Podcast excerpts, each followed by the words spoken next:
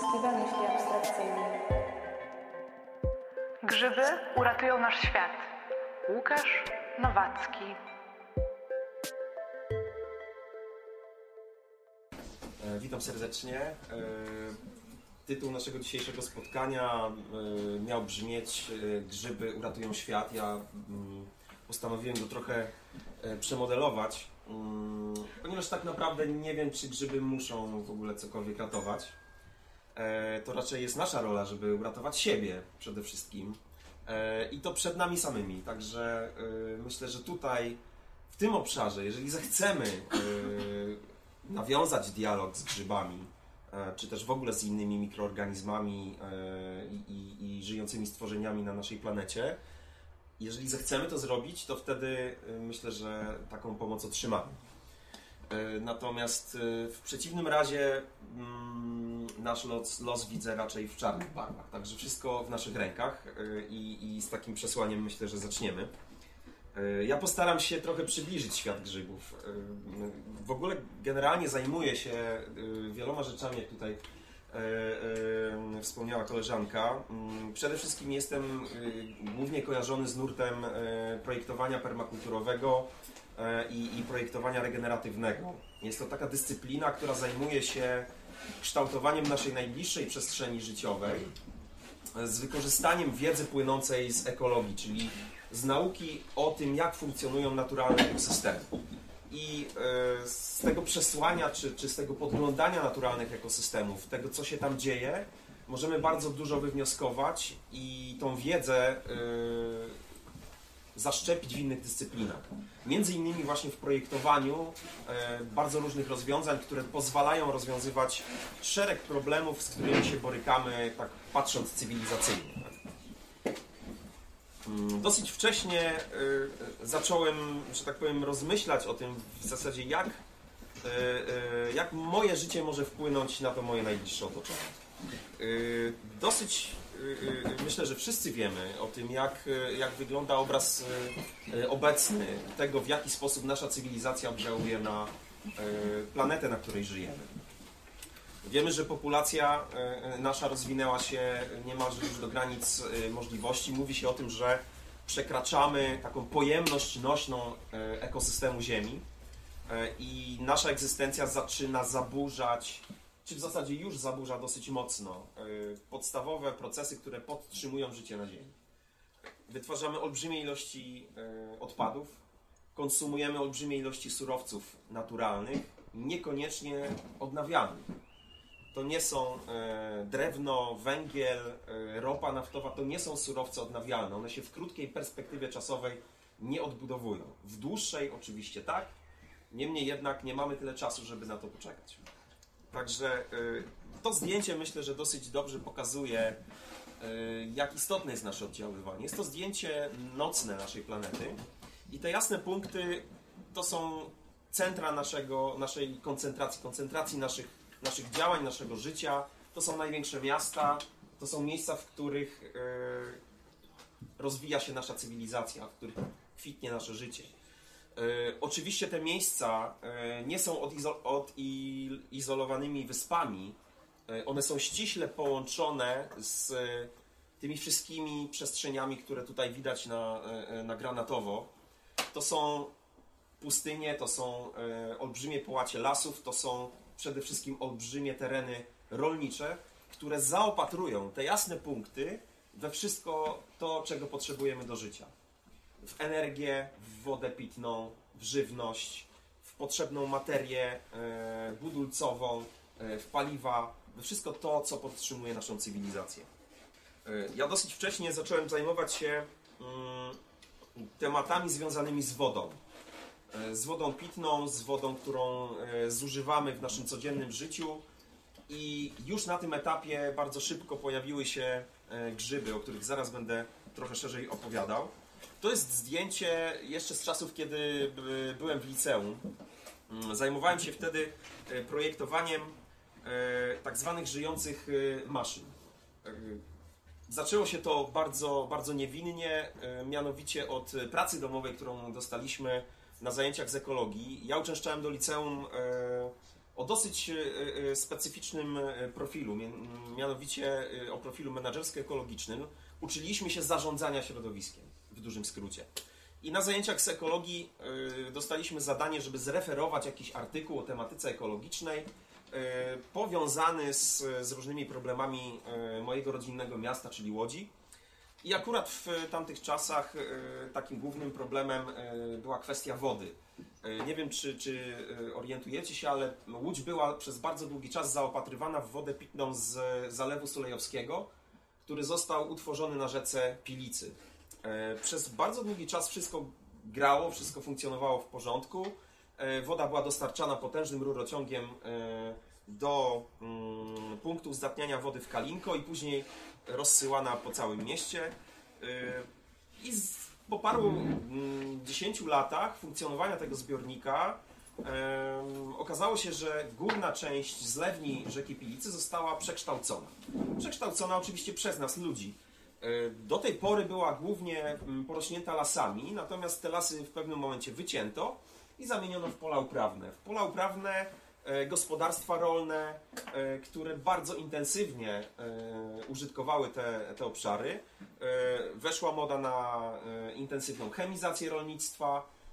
No i rolnicy niestety z takim przekonaniem, że im więcej sypną na pole, tym więcej tego plonu zbiorą, zaczęli właśnie taką, taki styl gospodarowania uprawiać.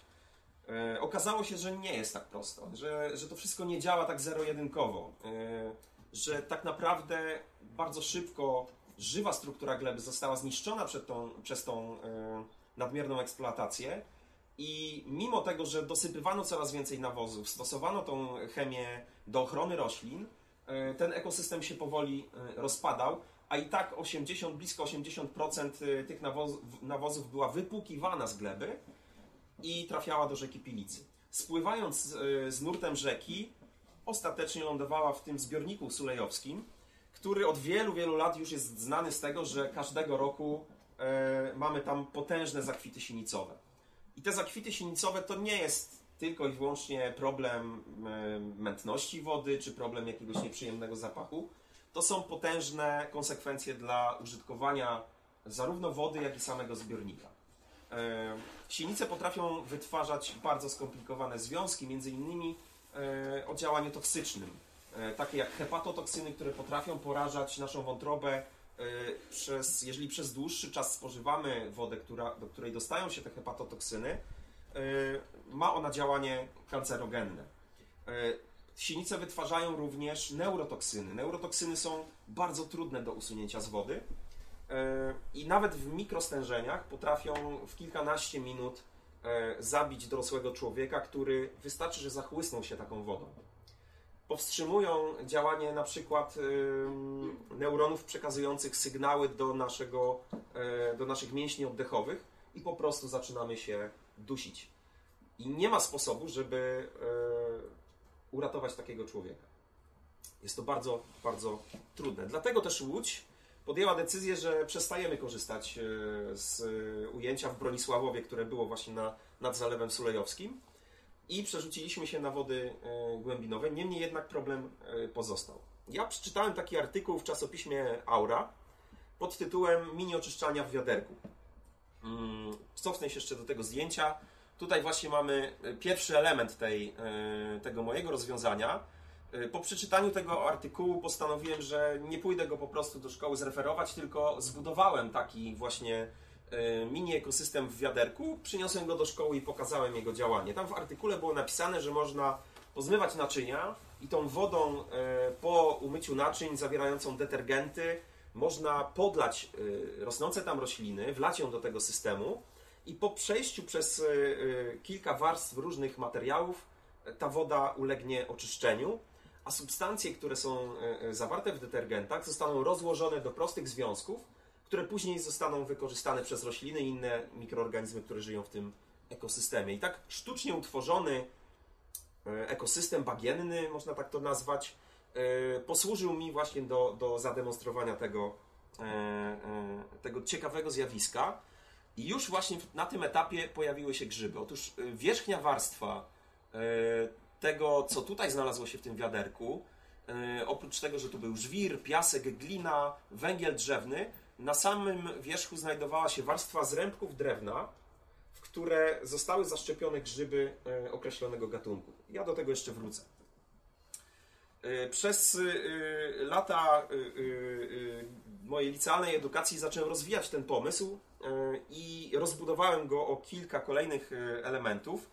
E, Mianowicie o taką kaskadę zbiorników, w których uprawiałem hydroponicznie rośliny. Hydroponicznie, czyli bez użycia gleby. Okazuje się, że możemy z powodzeniem wiele naszych roślin domowych, które mamy u siebie w doniczkach, na parapetach, w domach, możemy uprawiać hydroponicznie i one również wspierane przez bakterie, które żyją na korzeniach tych roślin, potrafią bardzo aktywnie usuwać różnego rodzaju zanieczyszczenia z wody. I również w tym procesie ważne są grzyby. Z racji tego, że nie dysponowałem dużym, e, e, dużą przestrzenią e, od szkoły, dostałem taką małą pracownię, w której mogłem trochę eksperymentować, ale ten mój pomysł się rozrastał, więc postanowiłem przenieść go do mojego domu. Mieszkałem na typowym miejskim blokowisku, w mieszkaniu na parterze z dosyć e, e, niedużym balkonem, e, półtora na 5 metrów e, powierzchni. I tam właśnie na tym balkonie zlokalizowałem nieco większy system. E, Były to dwie beczki o pojemności 200 litrów każda, połączone ze sobą, w których oczyszczałem wodę z łazienki. Tak zwaną szarą wodę, szare ścieki, które były przepompowywane właśnie na balkon, dostawały się do pierwszego zbiornika, który tutaj mamy widoczny na tym zdjęciu.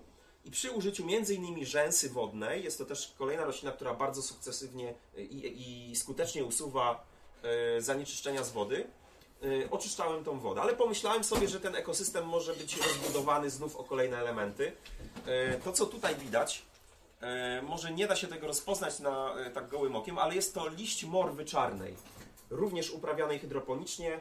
Mm, Osoby, które zajmują się trochę ogrodnictwem, wiedzą, że morwa czarna to jest krzew bądź drzewo, które dostarcza bardzo smacznych owoców i również y, y, na tym skupiałem swoje, swoje działania, żeby przy okazji oczyszczania tej wody wyprodukować jakąś y, żywność. Między innymi były to owoce, ale tutaj widać również kawałek konaru dzikiego bzu czarnego, na którym wyrasta grzyb, który na pewno Państwo kojarzycie z kuchni azjatyckiej. Nazywany jest tam grzybem mun, a u nas znany jest pod nazwą ucho bzowe bądź uszak bzowy. Jest to powszechnie występujący w naszej szerokości grzyb. Jest e, e, uznawany za pasożyta właśnie e, dzikiego bzu czarnego i na konarach tego dzikiego bzu można go często spotkać. Występuje w lasach mieszanych i liściastych. Bardzo ciekawy gatunek. Generalnie wszedłem w temat. E, Zacząłem e, e, uprawiać grzyby. Grzyby możemy uprawiać na bardzo różnorodnych podłożach, wykorzystując różnorodne odpady pochodzenia rolniczego, ale nie tylko. Tutaj przykład boczniaka uprawianego na pasteryzowanej słomie. Można te grzyby zbierać dosyć wcześnie, wtedy są takie młode, przesycone bardzo dużą ilością substancji odżywczych, ale też leczniczych. Nieprawdą jest, że grzyby są tylko i wyłącznie ciężkostrawne, że e, nie zawierają nic poza solami mineralnymi i wodą, zawierają bardzo dużo białka, zawierają mnóstwo witamin, e, mikro i makroelementów i przede wszystkim substancji czynnych, które mają bardzo dobroczynny wpływ na funkcjonowanie naszego organizmu. Między innymi boczniaki obniżają e, ciśnienie krwi, e, przeciwdziałają miażdżycy, e, również pomagają przy e, e, wychodzeniu z cukrzycy. Także bardzo polecam. Można je zbierać, tak jak wspomniałem, e, w postaci takich młodych owocników, ale można trochę poczekać i wtedy rozwijają się w nieco większe formy. Mm, Grzyby, takie jak na przykład boczniaki, można uprawiać niemalże wszędzie. W piwnicy, na balkonie, w szafie, w słoikach. Jest bardzo dużo miejsc, w których te grzyby możemy wcisnąć i, i je tam e, uprawiać. E, Ta moja pasja dotycząca grzybów e, rozwijała się sukcesywnie. Tutaj mamy przykład soplówki jeżowatej, akurat w tym przypadku uprawianej na słomie. Tutaj soplówka jeżowata uprawiana na pasteryzowanych trocinach. Zwróćcie Państwo uwagę, że ta uprawiana na słomie ma nieco inny pokrój. Trochę inaczej wygląda. I to jest też cecha charakterystyczna większości grzybów. One w różnych środowiskach e, mogą wyglądać nieco inaczej. E, to często jest bardzo mylące e, dla osób, które dopiero zaczynają przygodę na przykład ze zbieraniem grzybów. Można trafić przez przypadek na grzyby trujące, więc bardzo uczulam na to, żeby nie zjadać grzybów, których nie jesteśmy pewni i nie umiemy ich w 100% rozpoznać i zidentyfikować. Soplówka jeżowata jest też niezwykle ciekawym gatunkiem grzyba. Zawiera w sobie substancje, które pozwalają na regenerację e, połączeń synaptycznych w naszym mózgu e, i przyspieszają regenerację mm, komórek e, nerwowych. Już teraz mówi się o wykorzystywaniu wyciągów z tego grzyba przy leczeniu e, takich schorzeń jak Alzheimer czy e, Parkinson. Tutaj na kolejnym y, slajdzie boczniak eryngi, też uprawiany na pasteryzowanych trocinach, młode owocniki, bardzo smaczny grzyb. E, Grzyb, którego grzybnia potrafi e, bardzo dużo zdziałać, tak jak e, właśnie rzeczony wcześniej boczniak ostrygowaty. Oprócz tego, że ma dobroczynny wpływ na nasze zdrowie, również ma bardzo ciekawe właściwości. Grzyby, można powiedzieć, że to są takie uzewnętrznione żołądki. Większość grzybów, które odżywiają się martwą materią organiczną, tworzy strzępki, które tutaj widać w postaci takich filamentów, które się rozprzestrzeniają właśnie po kłodach drewna albo po kawałku juty, jak w tym przypadku. E, I te filamenty e, to jest nic innego jak grzybnia. E, Twór podziemny, najczęściej e, niewidoczny e, dla nas, e, ale czasami pojawiający się gdzieś tam na powierzchni e, ziemi pod konarami, pod kamieniami e, lub na pniach drzew. E, Grzybnia boczniaka wytwarza bardzo ciekawy zestaw enzymów zaliczany do grupy dehydrogenaz. I dehydrogenazy to są enzymy potrafiące rozcinać mm, wiązania pomiędzy atomami e, węgla i wodoru. I tak się okazuje, że oprócz tego, że można je zjadać, mają dobroczynny wpływ na nasze zdrowie, mają też zas- zastosowanie w obszarze mykoremediacji. E, Jest to, można powiedzieć w dużym uproszczeniu, leczenie ekosystemów, które zostały dotknięte jakimś rodzajem kataklizmu, z, głównie z winy człowieka. E, I tutaj przykładem mogą być wycieki ropy. Okazuje się, że te grzyby świetnie neutralizują substancje ropopochodne. Te długie łańcuchy węglowodorowe, często e, zamknięte pierścieniowej budowy, e, mają właśnie w swojej budowie te e, wiązania węglowodorowe i grzybnia potrafi wytwarzać bardzo silne enzymy, które te wiązania rozcinają, dzięki czemu z substancji ropopochodnej grzyb jest w stanie sobie wyprodukować cukry proste, którymi się odżywia, a oprócz tego e, syntetyzuje cząsteczki wody i wydziela dwutlenek węgla do atmosfery. Jest w stanie całkowicie zneutralizować substancje ropopochodne, które znajdują się w środowisku. I już od wielu lat prowadzone są badania, które mm, pomagają właśnie w rozwiązywaniu takich problemów środowiskowych. E, Ja napisałem krótką publikację e, pod, pod tytułem Niezwykłe Królestwo Grzybów. E, Właśnie o takich ciekawostkach dotyczących grzybów, które znamy na co dzień, często je zbieramy w lasach albo uprawiamy w naszych ogrodach. Natomiast nie wiemy o tym głębszym ich oddziaływaniu na ekosystem naszej planety i o tym, w jaki sposób mogą pomóc nam w rozwiązywaniu różnych problemów. Z tej publikacji możecie się Państwo również dowiedzieć e, różnych ciekawostek dotyczących uprawy grzybów w swoim najbliższym otoczeniu. To jest właśnie to przełożenie wiedzy dotyczącej e, płynącej z ekosystemów e, na to, w jaki sposób możemy zaprojektować nasz ogród przydomowy, naszą oczyszczalnię przydomową, czy na przykład nasz kompostownik, który pomaga nam w rozkładaniu materii organicznej, którą wytwarzamy na co dzień. I takich kilka trików odnośnie tego, jak propagować grzybnię, skąd ją pozyskiwać, jak ją namnażać, tutaj jest e, w tej publikacji opisane.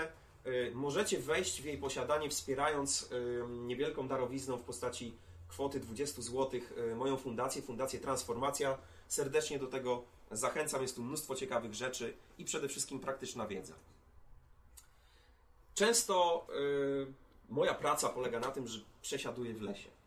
Y, obserwuję ten las. To jest moje miejsce, z którego bardzo wiele się nauczyłem. Y, po skończonym liceum, o tym profilu, o którym wspomniałem, menedżersko-ekologicznym, y, skończyłem również studia na kierunku ochrona środowiska w specjalizacji ekohydrologia i biotechnologie ekosystemowe. I właśnie z tych ekosystemów płynie ta praktyczna wiedza. Tutaj może się to wydawać na tym zdjęciu, to co widzimy, że jest to e, jakiś niezwykły e, las gdzieś głęboko w Puszczy Białowieskiej Nic bardziej mylnego. Jest to niewielka działka o powierzchni 1200 metrów pośrodku wielkiego blokowiska na Widzewie w Łodzi, e, która pozostawiona została na ponad 20 lat sama sobie. Tutaj kontrolę przejęła natura. E, Po środku tej działki stał drewniany dom, którego nie było widać. To jest zdjęcie od strony chodnika, od strony ulicy. Była to narożna działka, więc ten chodnik m, biegł z dwóch stron tej działki. Z żadnej strony nie można było dojrzeć tego domu. To była gęstwina po prostu, plątanina e, gałęzi życia e, organicznego i między innymi coś niesamowitego, co się tam działo, to była niezwykle podkręcona działalność właśnie różnych mikroorganizmów, w tym grzybów, które zbudowały niezwykle pulchną glebę. To była gleba, kiedy ja tam mm, przedostałem się przez ten gąszcz e, e, i dostałem się do środka tego, tego ekosystemu. E, Kiedy postawiłem nogę na ziemi, moja, mój but zapadł się na 15 cm w pulchną czarną ziemię. Tam było mnóstwo leżących liści, mnóstwo konarów przerośniętych grzybami i ten ekosystem aż wibrował życiem. To było coś niesamowitego. To, co się tam działo, szybkość, z jaką ten ekosystem się regenerował po każdym roku, wydając olbrzymie ilości owoców, e, olbrzymie ilości biomasy, e, to było coś niesamowitego. To też e, miejsce, z którego bardzo dużo się uczyłem o tym, jak projektować tego typu ogrody, które nie potrzebują żadnej chemii, nie potrzebują nawozów, nie potrzebują tak naprawdę dużych nakładów pracy z, ze strony człowieka, żeby utrzymywać je w dobrej kondycji. Przez to nie chorują, bardzo dobrze czują się tam rośliny, produkują praktycznie każdego roku olbrzymie ilości e, pożywienia, pochłania, pochłaniają olbrzymie ilości dwutlenku węgla z atmosfery i wbudowują ten dwutlenek węgla w postaci trwałych struktur właśnie w profil glebowy. Także niesamowity organizm, który my ludzie możemy nauczyć się tworzyć, budować jak z klocków Lego, a później jak już wbudujemy w ten, e, w ten duży organizm podstawowe elementy, one dalej się e, same napędzają. Więc jest to niesamowita nauka płynąca właśnie z takich ekosystemów. Tutaj na tym zdjęciu widać e, coś, co w ekologii nazywa się naturalną sukcesją. Jest to proces e, wdzierania się życia e, w strefy, gdzie mamy początkowo bardzo skromne warunki do podtrzymywania tego życia. To są strefy na przykład styku sawanny z pustynią, styku morza z lądem. Bardzo dawno temu, kiedy pierwsze organizmy wyszły e, e, właśnie na ląd, okazuje się, że tymi właśnie organizmami były grzyby. One wyposażone w te enzymy trawienne były w stanie i są nadal w stanie trawić skałę macierzystą. Z tej skały macierzystej pozyskują mikroelementy e, w, rozpuszczone w wodzie, sole mineralne i bardzo szybko grzyby, które są cudzożywne, one nie potrafią prowadzić procesu fotosyntezy, nie są w stanie się odżywiać samodzielnie. E, Grzyby wymyśliły, że mogą sobie do, e, dobrać do współpracy partnera w pos- w postaci na przykład glonów e, i stworzyć coś, co dzisiaj znamy pod nazwą porostów. Jak się okazuje, najnowsze badania e, e, pokazały, że porosty to nie jest taki prosty e, zestaw z jednej strony grzyb, z drugiej strony glon. Tam oprócz tego często znajdują się sinice, czyli bardzo pierwotne organizmy, które nie posiadają jądra komórkowego, ale posiadają zdolność do fotosyntezy. E, Wspomniałem o sinicach w, przy, w przypadku tych e, zakwitów sinicowych. E, Tak naprawdę to dzięki tym organizmom e, mamy czym oddychać, bo to one ukształtowały e, skład atmosfery e, i wbudowały w tą atmosferę olbrzymie ilości tlenu i nadal utrzymują zawartość tego tlenu e, na takim poziomie, który umożliwia rozwój życia na Ziemi, a nie ma tego tlenu zbyt dużo w atmosferze, żeby dochodziło na przykład do spontanicznego samozapłonu materii organicznej. Wiemy, że jak przesycimy atmosferę e, tlenem, no to taki, takie zjawisko zachodzi samorzutnie. E, No dobrze, ale tlen to jest tylko jeden ze składników powietrza, którym oddychamy. A co z azotem? Skąd pochodzi azot w atmosferze? Znów, najnowsze badania pokazują, że blisko 70 kilka procent azotu, którym oddychamy, jest uwalniane do atmosfery dzięki właśnie aktywności grzybów. Grzybów e, saprotroficznych, grzybów, które odżywiają się martwą materią organiczną i ten azot, który był wbudowany w białka, aminokwasy, z których y, ta martwa materia, wcześniej żywa materia organiczna była y, wytworzona, grzyby rozkładają tą materię i uwalniają amoniak i azot w postaci gazowej, dostarczając go ponownie do atmosfery, zamykają obieg tego, tego pierwiastka. Grzyby w takim ekosystemie zarządzają budżetem składników pokarmowych. Są miejsca, gdzie tych składników pokarmowych brakuje, gdzie mamy bardzo ubogą glebę, a mimo to, jak widać tutaj na tej fotografii, wkraczają na tą przestrzeń drzewa. Praktycznie wszystkie drzewa, krzewy, e, jak również trawy, do dobrego funkcjonowania, do dobrego rozwoju potrzebują partnerów grzybowych. I tutaj mówimy również o symbiozie, o takim partnerstwie, e, w którym obie strony czerpią korzyści. Mm, I takie partnerstwo grzybów z korzeniami drzew nazywamy mikoryzą. Grzyby wyposażają rośliny właśnie w wodę, e, właśnie w mikroelementy, a w zamian za to otrzymują cukry, które są wytwarzane przez rośliny zielone w procesie fotosyntezy. E, jak się przyjrzymy korzeniom, strefie korzeniowej roślin, to widzimy, że korzenie włośnikowe od tych cieniutkich korzonków, które budują całą, całą strefę korzeniową, przenikają glebę na kilka milimetrów. I to jest cała strefa, z której wielkie drzewa mogą czerpać substancje pokarmowe do swojego rozwoju, do budowania gałęzi, konarów, liści, do wytwarzania owoców, zawiązywania kwiatów. E, jeżeli mamy do tego jeszcze partnera grzybowego, to grzyby swoimi strzępkami, tymi filamentami, które wcześniej pokazywałem, są w stanie rozwinąć tą powierzchnię czynną korzenia ponad tysiąc razy.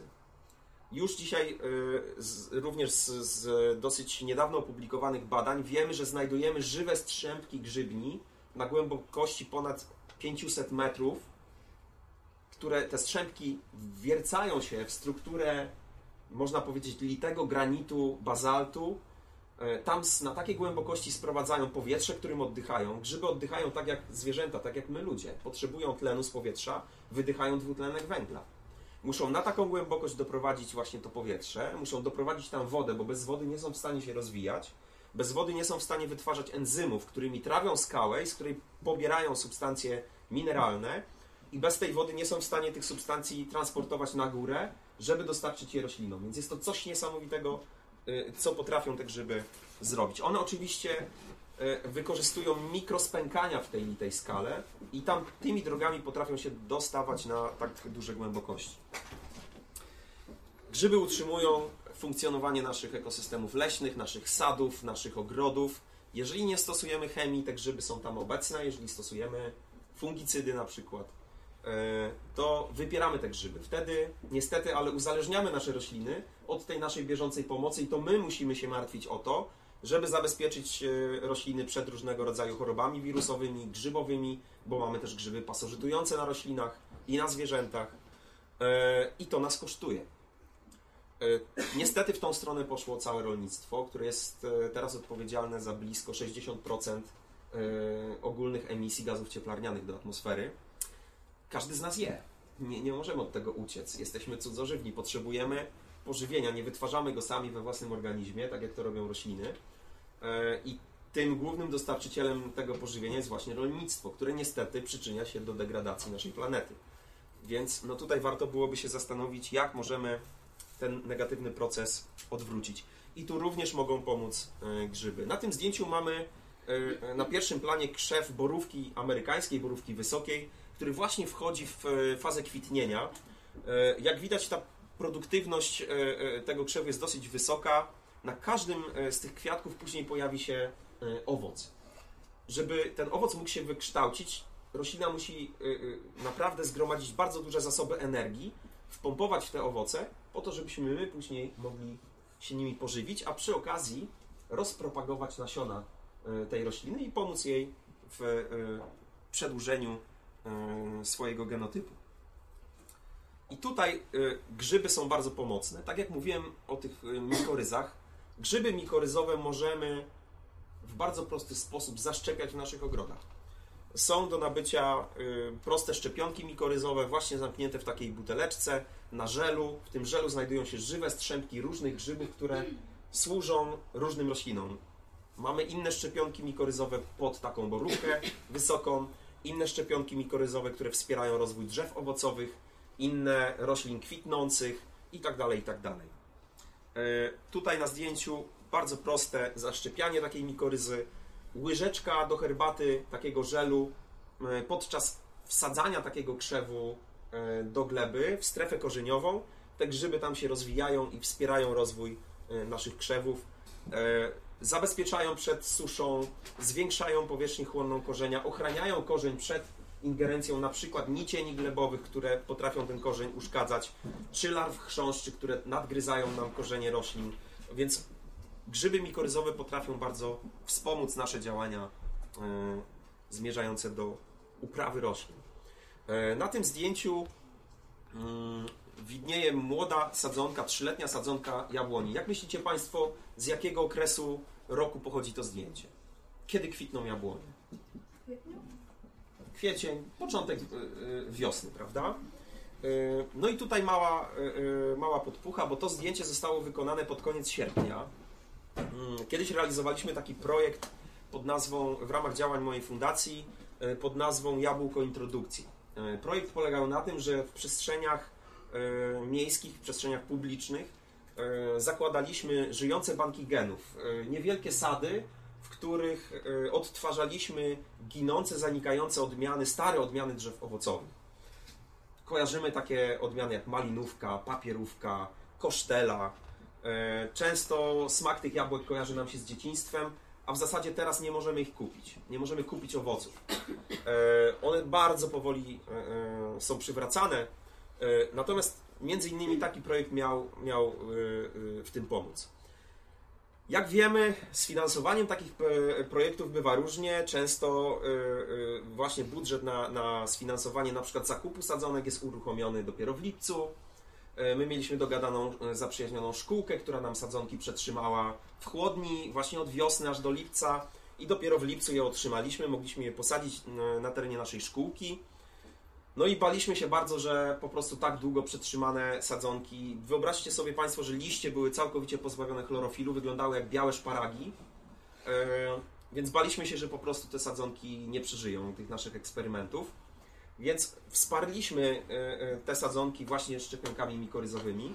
I już po miesiącu od zaszczepienia e, mikoryzy, po pierwsze, pojawiły się nowe liście, te, które były wybielone, y, przepełniły się chlorofilem i zaczęły normalnie y, prowadzić proces fotosyntezy, a same sadzonki drzew dostały takiego kopa energetycznego, że wytworzyły kwiaty i zawiązały trzyletnie sadzonki. We wrześniu miały zawiązki owoców. Te jabłuszka były niewielkie, natomiast no to był dla nas szok, że tak szybko weszły w fazę owo- y, owocowania, żeby tylko wytworzyć nasiona, uratować się przed, przed jakimś końcem. Natomiast wsparte e, szczepionkami mikoryzowymi bardzo skutecznie e, przyjmowały się mm, w tych naszych nasadzeniach e, i przetrwały po dziś dzień. Projektujemy i zakładamy, pomagamy w zakładaniu takich miejskich ogrodów. Tutaj przykład z Krakowa. Ogród, który nazwaliśmy Meandry Sztuki, ponieważ został zrealizowany przy współpracy Teatru Łaźnia Nowa na osiedlu Nowa Huta w Krakowie. E, Niestety no, ten ogród już nie istnieje. Został zajeżdżony przez buldożery, które w tym miejscu postanowiły wykonać plac, e, na którym powstało nowe osiedle e, deweloperskie. Niemniej, niemniej jednak przez kilka lat ten ogród funkcjonował i dostarczał żywności okolicznym mieszkańcom. Był zaprojektowany właśnie między innymi przy użyciu grzybów. Tutaj widać, że wszystkie te elementy pomiędzy podwyższonymi grządkami są wysypane zrębkami drewna. Zrębki drewna jako materia organiczna są świetnym materiałem, na którym możemy zaszczepiać i uprawiać grzyby. I tam właśnie te grzyby e, e, zaszczepialiśmy. W 2011 roku zaprojektowałem również e, ogród dla pięcioosobowej rodziny, prywatny ogród. Zaczynaliśmy od takiej pustyni. Całkowicie zdegradowana gleba, rozjeżdżona, brak profilu próchnicznego, macierzysta glina, która znajdowała się pod spodem, mocno ubita. Postanowiliśmy stworzyć tam ogród warzywny, e, do, którego, do, do zbudowania którego użyliśmy martwej materii organicznej, między innymi w postaci tektury. Tektura jest świetnym narzędziem do tego, żeby e, uchronić się przed inwazją na przykład perzu, który na takiej gliniastej glebie bardzo chętnie się e, zaczął rozwijać. Musieliśmy, musieliśmy jakoś odciąć dostęp światła do kłączy tej rośliny, więc tektura świetnie się do tego celu nadawała. Po jakimś czasie ta tektura się rozkłada i rozkłada się właśnie pod wpływem e, działania grzybów i różnych e, bakterii glebowych. Na tej glebie utworzyliśmy podwyższone grządki. E, Ścieżki zostały później wysypane innymi korą sosnową i zrębkami w tą korę sosnową zaszczepiliśmy kilka gatunków grzybów. Nie powiedzieliśmy o tym przyszłym właścicielom tych, tego ogrodu i po pewnym czasie dostaję telefon od pana Tomasza, który zaniepokojony do mnie zadzwonił i mówi, że coś dziwnego brązowego wyrosło u niego w ogrodzie. Poprosiłem o zdjęcia, przysłał mi tutaj niestety trochę mało wyraźne, ale po mojej wizycie uzbieraliśmy e, takie plony. Nie wiem, czy rozpoznajecie Państwo, co to za gatunek grzyba. To są smardze, dokładnie. Bardzo smaczne grzyby, e, które w stanie dzikim e, są pod ochroną, nie można ich zbierać. Natomiast e, w 2015 roku zostały przeniesione do tak zwanej ochrony częściowej. Jeżeli pojawią się w miastach, w parkach lub w naszych ogrodach, możemy je zbierać i zjadać. E, Bardzo smaczne grzyby, przede wszystkim możemy je uprawiać. To są jedne z pierwszych wiosennych grzybów, które w zasadzie no, można je pomylić z grzybem trującym, którym jest piestrzenica kasztanowata. Aczkolwiek jak poznamy dobrze budowę tych dwóch grzybów, bardzo łatwo jest je rozróżnić. Więc można je uprawiać w naszym ogrodzie. To samo możemy zrobić na balkonie. Jeżeli mamy chęć, możemy założyć balkonowy ogród w takich pojemnikach. E, Tutaj jak zaobserwujecie Państwo, mamy lawendę, ale zaraz obok rośnie borówka wysoka, posadzona w tym samym pojemniku. Jak to jest, że borówka, która preferuje kwaśną glebę, może rosnąć obok lawendy, która preferuje glebę zasadową? Tutaj użyliśmy glebę o pH obojętnym, ale sadząc te dwie rośliny, zaszczepiliśmy różne gatunki grzybów mikoryzowych.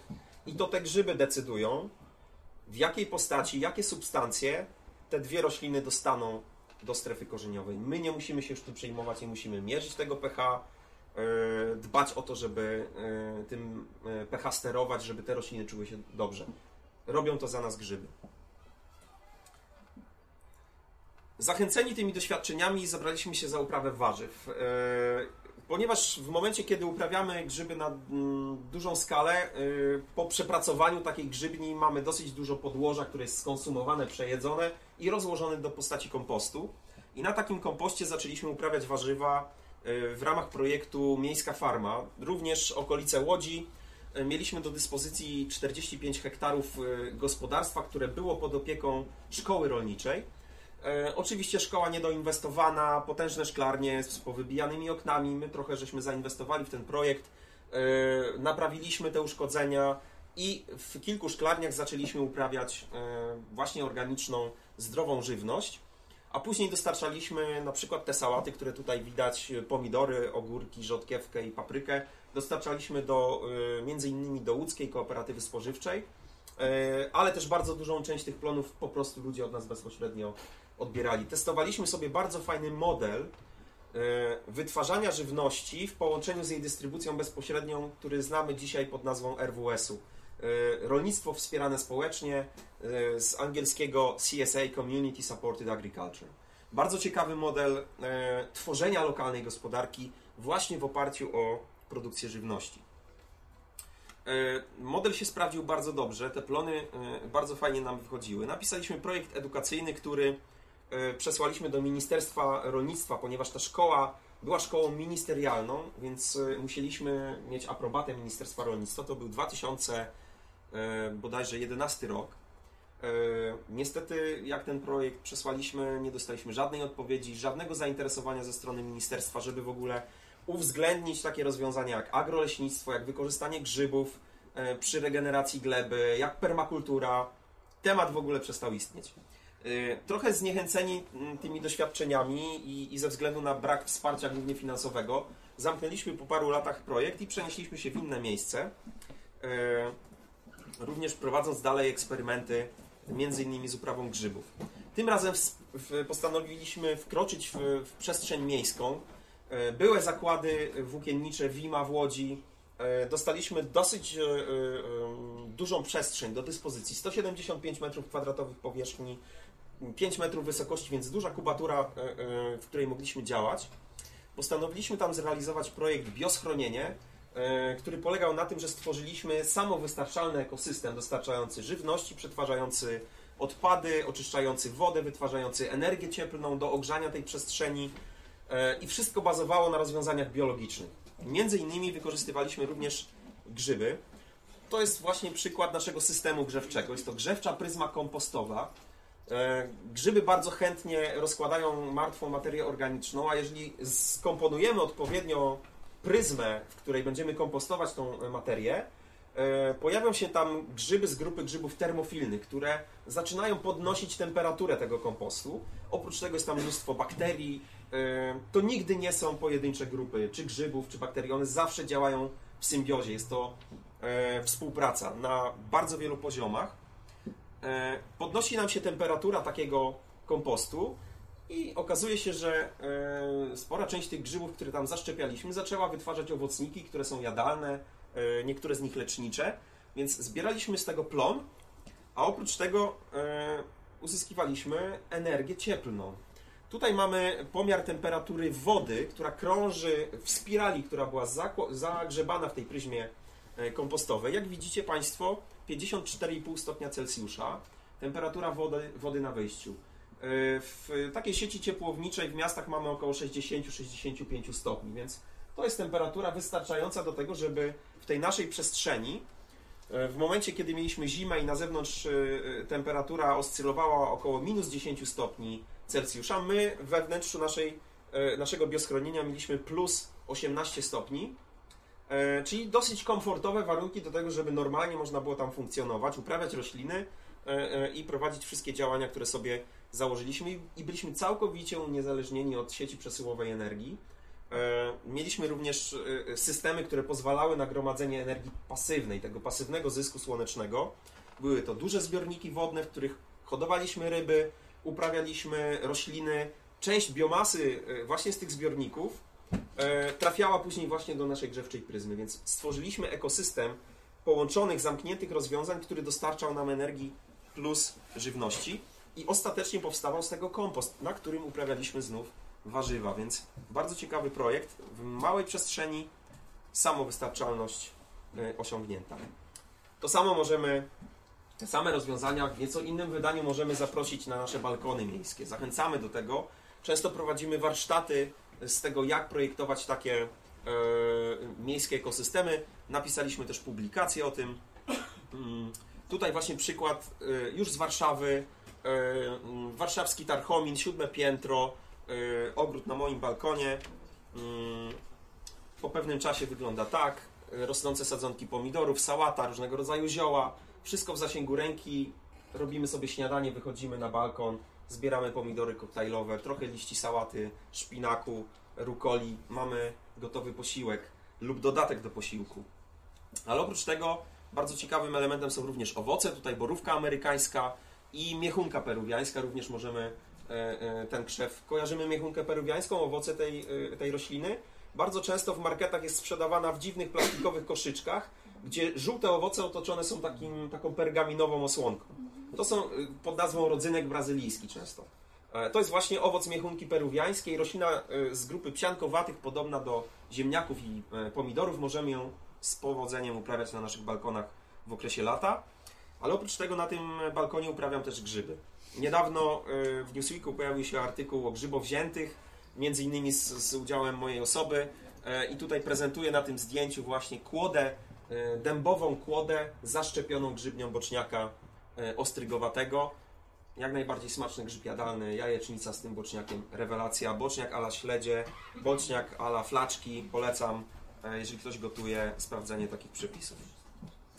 E, w Warszawie również tutaj na, na Brzeżu prowadziliśmy warsztaty w ubiegłym roku właśnie z budowy żyjących maszyn, których używaliśmy do oczyszczania wody z Wisły, a później tą wodą oczyszczoną nawadnialiśmy gazony, w których są posadzone rośliny. E, również e, prowadziliśmy warsztaty zbudowania pływających ogrodów, które później na takich tratwach były e, przy brzegu zacumowane w wiślanej wodzie. Jak wiemy, w tej wiślanej wodzie jest dużo różnych ciekawych rzeczy. Y, Mam na myśli zanieczyszczenia i żeby rośliny, które tam y, uprawialiśmy, nie pochłaniały tych zanieczyszczeń, również wykorzystaliśmy do tego celu grzyby. Tutaj właśnie układamy matę słomianą, na której zaszczepiona jest grzybnia takiego grzyba, który się nazywa pierścieniak jadalny lub, lub y, łysiczka uprawna. Y, Jest to smaczny grzyb jadalny, nie mylić z łysiczką lancetowatą grzybem o właściwościach halucynogennych.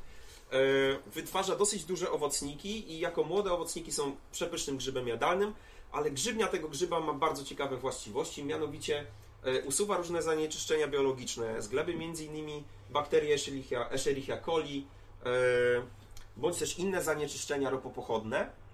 Więc zbudowaliśmy taką wyspę na podbudowie właśnie z takiej maty grzybowej.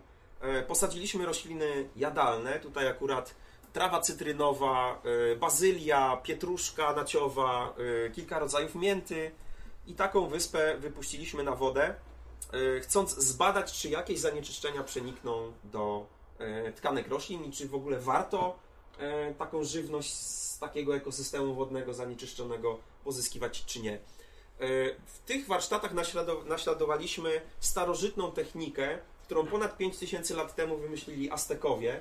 E, Ta technika po dziś dzień funkcjonuje, e, nazywa się Chinampas. To są pływające wyspy tworzone niegdyś na e, matach z trzciny, e, unoszących się na wodzie. Wybierano na te maty muł z dna, który dawał e, e, początek właśnie glebie e, i w to wsadzano nasiona. E, W ciągu jednego sezonu z takich wysp można było zebrać trzykrotne plony dyni, kukurydzy, fasoli, więc bardzo produktywne ekosystemy. I w sumie taki początek właśnie rozwiązań hydroponicznych. Już 5000 lat temu ludzie wpadli na taki pomysł. Dlaczego do tego nie wrócić? Kiedy mamy zabetonowane nabrzeże rzeki, beton nie oczyszcza wody. To korzenie roślin rosnące na brzegu y, rzeki oczyszczają wodę. Więc jeżeli mamy beton, no to pozbawiamy tą rzekę możliwości samooczyszczania się.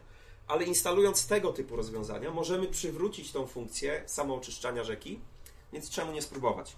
Niestety nie było nam dane zebrać y, y, roślin do, do dalszych badań, ponieważ wyspa została skradziona.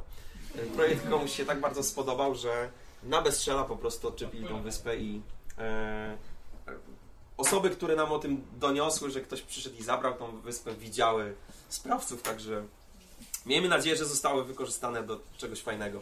E, Ja prowadzę też około 100 km od Warszawy, prowadzę e, ze swoją żoną e, siedlisko permakulturowe pod nazwą Dolina Mgieł. Serdecznie Was zapraszam do odwiedzania nas podczas różnych warsztatów i dni otwartych. Tam też uprawiamy mnóstwo grzybów, uprawiamy sadzonki, drzew i krzewów owocowych w bardzo trudnych warunkach. E, Nasze gospodarstwo znajduje się na terenie terasy zalewowej, która e, kiedyś była bardzo intensywnie użytkowana e, poprzez wypas krów i owiec. Ten wypas był tak intensywny, że praktycznie wierzchnia warstwa gleby została zerodowana, zwiana bądź spłukana do rzeki, a jak przyszła powódź w 1997 roku, no to dopełniła się czara goryczy i reszta gleby została po prostu zmyta przez wody powodziowe. E, Postanowiliśmy, że zlokalizujemy tam nasze gospodarstwo, bo jeżeli damy radę wytwarzać żywność i zregenerować strukturę gleby na czystym piasku, czyli tak jakbyśmy działali po prostu na pustyni, e, no to wszędzie można te rozwiązania zaimplementować i na pewno takie rolnictwo będzie mogło się rozwijać na glebach o lepszych klasach bonitacyjnych. Więc zaczęliśmy nasze eksperymenty od e, wsadzania drzew. Oczywiście te drzewa początkowo się nie przyjmowały, bo nie było tam grzybów mikoryzowych. Później zaczęliśmy ściółkować wokół tych drzew, zaszczepiać te grzyby. No i tak nam się udało e, stworzyć e, ekosystem, e, który już możemy uznać za ekosystem leśny, za taki ogród leśny, który dostarcza różnych plonów. Pojawiły się trawy, za chwilę pojawią się tam zwierzęta już, których jakby wypas będzie zarządzany holistycznie, zgodnie z, z naukami Alana Sejworego, który twierdzi, że poprzez holistyczny wypas zwierząt roślinożernych, przeżuwaczy, możemy przyspieszyć odbudowę profilu glebowego. Będziemy te rozwiązania, e, które on promuje w, między innymi w Afryce i na terenach półpustynnych, testować w naszych warunkach klimatycznych. Mm, Przygotowujemy do tego nasze pastwiska, ale oprócz tego zbieramy duże ilości biomasy. E, Czasami przewróci się jakieś drzewo, e, które musimy wyciąć, zostają pnie e, i te e, pnie również zaszczepiamy grzybami. Przyspieszamy rozkład tej materii organicznej, przyspieszamy uwalnianie e, różnych e, substancji pokarmowych do ekosystemu właśnie za pośrednictwem grzybów. I możemy to zrobić w bardzo prosty sposób. Potrzebna nam jest wiertarko wkrętarka, robimy otwór w takim pniu, e, w ten otwór wbijamy kołeczek, na którym zaszczepiona jest grzybnia danego gatunku, który chcemy uprawiać na drewnie i który wiemy, że to drewno będzie rozkładał.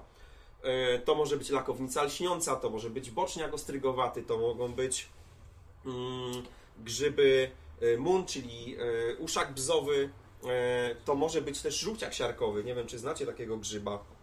Bardzo powszechnie występujący grzyb. Zaraz pokażę, jak wygląda, bo po pewnym czasie, jeżeli uzbroimy się w cierpliwość, na grzyby często od momentu zaszczepienia trzeba poczekać kilka lat. To jest rok, czasami dwa, a czasami po pół roku już się pojawiają. Tego to trudno zawsze przewidzieć. Ale to jest żółciak siarkowy. Ten owocnik to jest zestawienie takich blaszek grubych, mięsistych y, y, właśnie y, tego grzyba. On ma mniej więcej takie wymiary. To jest kilka, czasami kilkanaście kilogramów mm, owocnika, który możemy po prostu znaleźć na pniu martwego drzewa bądź drzewa, które jest uszkodzone. Wciąż żyje, ale już w tych martwych tkankach drewna często takie grzyby się pojawiają. Jest to grzyb jadalny, bardzo smaczny, w języku angielskim nazywany chicken of the woods, czyli kurczak z lasu. Dlaczego? Dlatego, że po odpowiedniej obróbce y, przypomina w smaku i w swojej teksturze dokładnie mięso z piersi kurczaka. Jest bardzo smaczny, bardzo pożywny. E, Jako świeży owocnik ma nieprzyjemny zapach. Nazwa żółciak siarkowy właśnie jest związana z tym zapachem, po prostu śmierdzi siarkowodorem, takim zgniłym jajem. E, I poprzez obgotowanie przez 15 minut e, gotujemy tego grzyba w wodzie, odlewamy tą wodę i następnie te e, fragmenty grzybni, owocników panierujemy w jajku w bułce i smażymy. I po takiej obróbce termicznej możemy spokojnie te grzyby spożywać i są rewelacyjnym substytutem mięsa. Często gromadzimy duże ilości biomasy właśnie w postaci zrębków e, drewna. E, Te przewrócone drzewa, które od czasu do czasu się zdarzają, z tego względu, że e, na terenie naszego siedliska zagnieździł się bóbr, który bardzo umiłował sobie nasz topolowy zagajnik. Oczywiście oprócz topoli tam rosną również dęby, które też sobie upodobał i od czasu do czasu ścina nam te dęby. Na szczęście one odrastają, słuchajcie, zaobserwowaliśmy coś niesamowitego, ta przyroda się regeneruje. I e, taki pierwszy e, e, syndrom zdenerwowania i, raczej niskiej sympatii do tego bobra, że niszczy nam ten ekosystem lasu, przerodził się w olbrzymią pokorę i naukę płynącą z tego, co ten bóbr robi. On sobie pozyskuje trochę tych gałęzi, bo tym się żywi młodą korą i łykiem, które jest przesycone cukrami. Zostawia resztę drewna. Jeżeli to są kłody dębowe, to my możemy na, tym, na tych kłodach dębowych zaszczepiać grzyby i dalej to drewno wykorzystywać, e, e, przywracając tą, tą materię organiczną e, do ekosystemu. Z pozostałych gałęzi robimy zrębki. Często jakieś sterty zrębek gdzieś tam są składowane i żeby się nie marnowała ta materia, zaszczepiamy tam grzyby. Wspominałem właśnie o, o tym, że grzyby możemy uprawiać w różnych e, środowiskach, na różnych podłożach. Między innymi możemy to robić w naszych ogrodach. I te jasne punkty, to co widać, to jest ziarno, e, na którym zostały zaszczepione strzępki grzybni. W tym przypadku pierścieniaka jadalnego którego owocniki wyglądają w ten sposób. To są młode owocniki. Pierścieniak jadalny potrafi wytwarzać olbrzymie owocniki. Często średnica kapelusza dochodzi do kilkudziesięciu centymetrów, ale już wtedy są tak łykowate i niesmaczne, że raczej ich nie będziemy konsumować. Poza tym są zaczerwione, czyli przejedzone przez larwy mm, różnych owadów. Ale świetnie się nadają do innego procesu. Hodujemy też y, ryby. Tak jak wcześniej wspomniałem w projekcie Bioschronienie, mieliśmy baseny, w których hodowaliśmy ryby i te grzyby zaczerwione, w których namnożyło się dużo larw, wrzucaliśmy do wody. Te larwy z braku tlenu wypełzały na powierzchnię i ryby wtedy miały darmowe białko. Jest to świetna pasza. Również e, może posłużyć e, do karmienia drobiu. Oczywiście takie kury e, swoimi pazurkami rozgarną te owocniki, porozrywają na strzępy i poroznoszą zarodniki po całej okolicy, więc po pewnym czasie już w sposób naturalny wychodzą na naszym terenie różnego rodzaju grzyby. Ale oprócz tego zaobserwowaliśmy ciekawy fenomen. Wspominałem, że trochę zniechęceni tym projektem y, y, Farma Miejska, realizowanym w szkole rolniczej, przenieśliśmy się w inne miejsce. Dostaliśmy możliwość użytkowania gospodarstwa o powierzchni 8 hektarów, e, w sąsiedztwie którego miał swoją pasiekę starszy pan. Ten starszy pan zachorował i poprosił nas, żebyśmy się zajęli jego pszczołami. 30 kilka uli, w każdym rodzina pszczela. E, Widać, że jakość e, tej pasieki no, nie była najlepsza, ale ta enklawa zieleni, którą widzicie, to była jedyna wyspa, okolice Łowicza, miejscowość Bogoria Górna. E, To była jedyna enklawa zieleni na polu monokultur, na których uprawiano kukurydzę, pomidory, e, trochę różnych zbóż. Więc teren skrajnie przekształcony rolniczo, zarządzany monokulturowo, duże areały ziemi i też ostra chemizacja rolnictwa. Pewnym momencie e, tą pasiekę dot, dotknęło to, co dotyka często e, w ostatnich latach e, wiele pasiek w naszym kraju, czyli syndrom pomoru pszczół. Z tych 30 kilku uli przeżyły nam trzy rodziny pszczele w ciągu jednego roku. Więc potężna strata, ale zaobserwowaliśmy pewien fenomen. Otóż pszczoły, te, które przeżyły, gromadnie zaczęły się e, zlatywać do e, pryzm zrębkowych, w których uprawialiśmy między innymi pierścieniaka jadalnego. Dogrzebywały się wręcz do grzybni e, tego pierścieniaka, nakłuwały tą grzybnię i spijały cytoplazmę, kropelki cytoplazmy, które wypływały z tej, z tej zranionej grzybni. Trudno było to uchwycić, niemniej jednak udało nam się. E, Tutaj mamy pszczołę, która dobiera się właśnie do, do naszej sterty e, z, z grzybnią, która tam rośnie. Okazuje się, zacząłem szukać informacji, czy ktoś zaobserwował ten fenomen wcześniej. Okazuje się, że jest już patent złożony przez czołowego mykologa e, światowej sławy, Paula Stameca, który z grzybów tworzy wyciągi cukrowe, przypominające swoją konsystencją miód, który podawany jest pszczołą. I okazuje się, że w tych wyciągach grzybowych znajdują się substancje, które wybudzają geny odpowiedzialne za uruchamianie mechanizmów e, oczyszczania organizmu pszczoły z różnych toksyn. Między innymi kluczową substancją zawartą właśnie w tych grzybach jest kwas pekumarowy. I on odpowiada za uruchomienie całego szlaku metabolicznego, który pozwala się takiej pszczole, która zostanie, nie wiem, spryskana pestycydami e, gdzieś na polu, e, oczyścić właśnie z tych toksyn. Jednocześnie grzyby stymulują rozwój flory e, bakteryjnej i e, zwiększają przyswajanie substancji pokarmowych, które pszczoły e, pozyskują z miodu. Więc lepiej odżywiona pszczoła jest silniejsza, a jednocześnie wsparta poprzez ten mechanizm metaboliczny jest w stanie się oczyścić z toksyn. Po dwóch latach ob- obserwowania tego fenomenu u nas odzyskaliśmy dwadzieścia kilka uli. Te pszczoły się namnożyły i ponownie zasiedliły dostępne przestrzenie e, w ulach. Tutaj zdjęcie e, łupin orzecha włoskiego. Mm, Kolejne źródło materii organicznej, które możemy wykorzystać do uprawy e, grzybów. E, My taką materię organiczną często poddajemy zgazowaniu. Zgazowanie polega na oddzieleniu substancji lotnych z drewna albo z takiej materii organicznej. Te substancje lotne spalamy, wykorzystując je do wytwarzania energii e, cieplnej albo do napędzania silników e, spalinowych. E, A pozostałością po tym procesie jest węgiel drzewny, który zalewamy wodą. Często ten węgiel drzewny wykorzystujemy do filtrowania wody. E, Jest to nic innego jak odpowiednik takiego węgla aktywowanego. On ma bardzo rozbudowaną, porowatą strukturę i działa świetnie jako filtr. E, Właśnie w tych żyjących maszynach.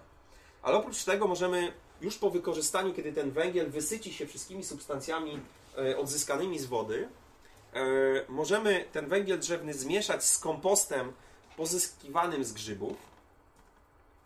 I później taki kompost wykładamy na naszych grządkach, właśnie na terenie siedliska Dolina Gieł. I na tych grządkach uprawiamy warzywa. Odtwarzamy glebę. Zobaczcie, że tutaj praktycznie pod spodem mamy czysty piasek. E, Na tym piasku jesteśmy w stanie uzyskać e, takie plony. Tutaj mamy sałatę. Oczywiście po wyłożeniu tego kompostu ściółkujemy wszystko lokalnie zebranym sianem, po to, żeby odtworzyć warunki takie, jakie panują w lesie. Na dnie lasu zawsze leży ściółka. Nie ma odkrytej gleby.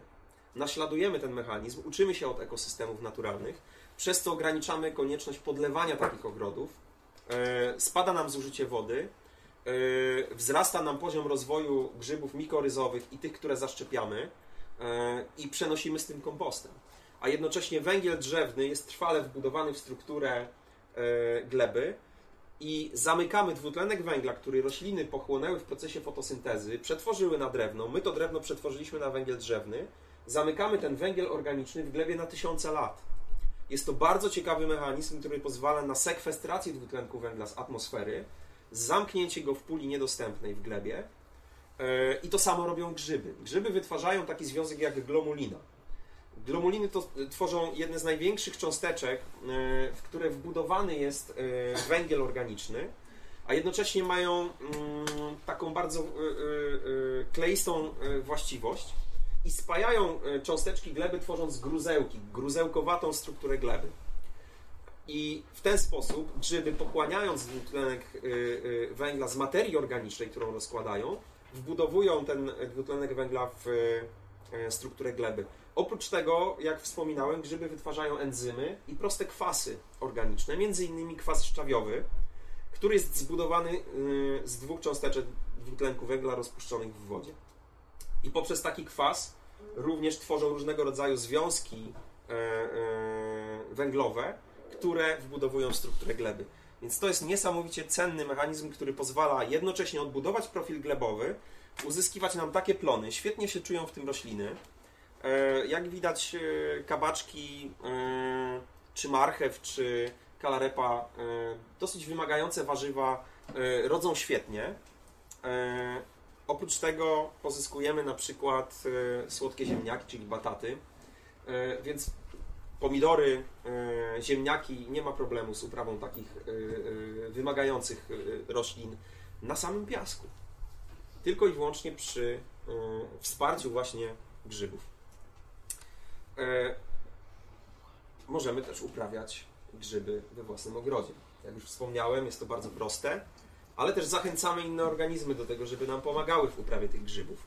Tutaj macie kapelusz e, czubajki kani, smaczny grzyb jadalny. E, wydaje mi się, że chyba smakuje każdemu. Nie wiem, kto miał okazję próbować kanie, ten wie. Ten grzyb jest też bardzo ciekawy, ponieważ jest bardzo chętnie uprawiany przez niektóre E, e, rodzaje mrówek. Mrówki uprawiają grzyby od e, niepamiętnych czasów. Tak naprawdę uprawiają je wcześniej od nas. Zaczęły je uprawiać wcześniej od nas. Z badań, które też zostały niedawno opublikowane, wiemy, że już ponad 50 milionów lat temu rozpoczęła się era w życiu mrówek związana z wynalezieniem rolnictwa to mrówki zaczęły uprawiać grzyby.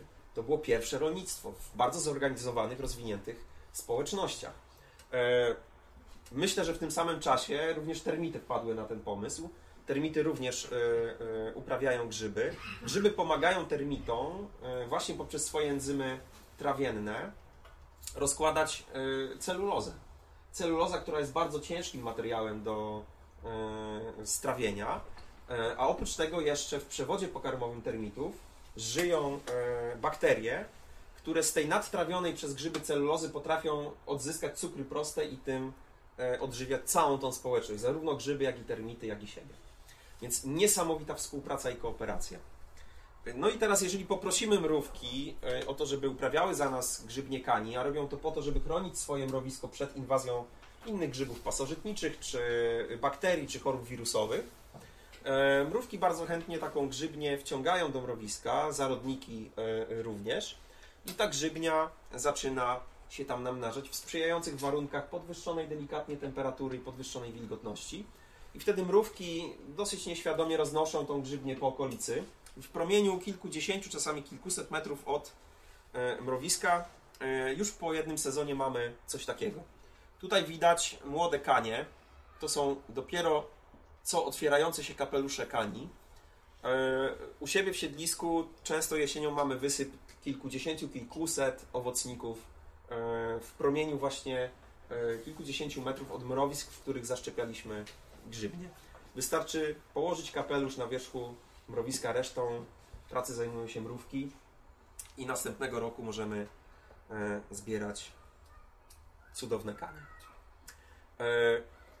To jest przykład niesamowitej kooperacji na wielu płaszczyznach, niesamowitej przede wszystkim komunikacji. Jak wspominałem o grzybach mikoryzowych, zobaczcie jak intymny jest to związek grzyba z rośliną.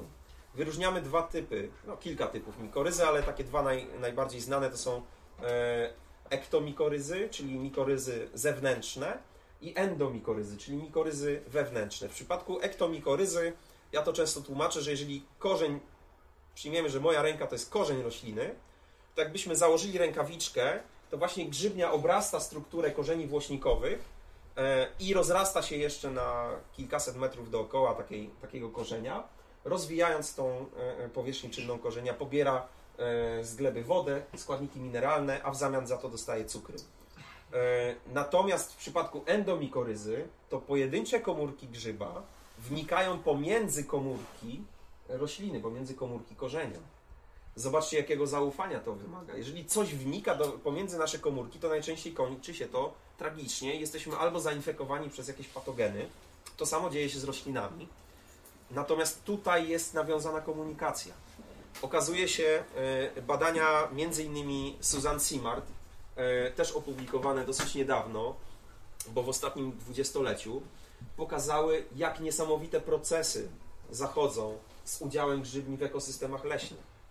E, wyróżnia się e, drzewa, które matkują innym drzewom. Drzewa potężne, drzewa, których korony e, rozrastają się i sięgają słońca, potrafią wytwarzać nadmiar substancji pokarmowych w postaci cukrów prostych i za pośrednictwem grzybni i korzeni przekazują część tych substancji młodszym siewkom e, swojego własnego gatunku. Także drzewa matkują, matkują kolejnym pokoleniom, a jednocześnie z tymi e, substancjami pokarmowymi przesyłane są różnego rodzaju komunikaty. Są przesyłane cząsteczki genów, które kodują różne informacje. Te młode drzewa muszą się nauczyć, muszą zdobyć tą wiedzę, którą posiadają drzewa wiekowe ponieważ te drzewa nie są wieczne, one e, po jakimś czasie ustępują młodszym e, pokoleniom. Te młodsze pokolenia muszą skądś zdobywać wiedzę. Dlatego tak ważne jest zachowywanie staro, starych drzew, wiekowych drzew, które tak naprawdę są skarbnicą wiedzy. Ja przepraszam, mogę Ci przerwać, tak. bo też a propos bardzo tego, co powiedziałeś, ja spotkałam się z taką e, bardzo interesującą chyba informacją, właśnie ta grzybnia, która rozciąga się kilometrami często e, tak, pod powierzchnią ziemi, gdzieś tam las, lasów, to jest taki e, zewnętrzny układ nerwowy. Też przekazują sobie drzewa informacje poprzez grzybnie. Na przykład ktoś jest zainfekowany przez jakąś e, wirusową chorobę, tak? I drzewa, które gdzieś tam rosną kilkaset metrów dalej, już mogą się przygotowywać jak odeprzeć atak tak? jakiegoś szkodnika. To samo się dzieje właśnie w przypadku szkodników, jeżeli jakieś gąsienice zaczynają e, konsumować liście drzew gdzieś na skraju lasu, to hormony stresowe i różne sygnały, które e, drzewo wytwarza w, w reakcji na taki atak, właśnie też są przekazywane innym drzewom.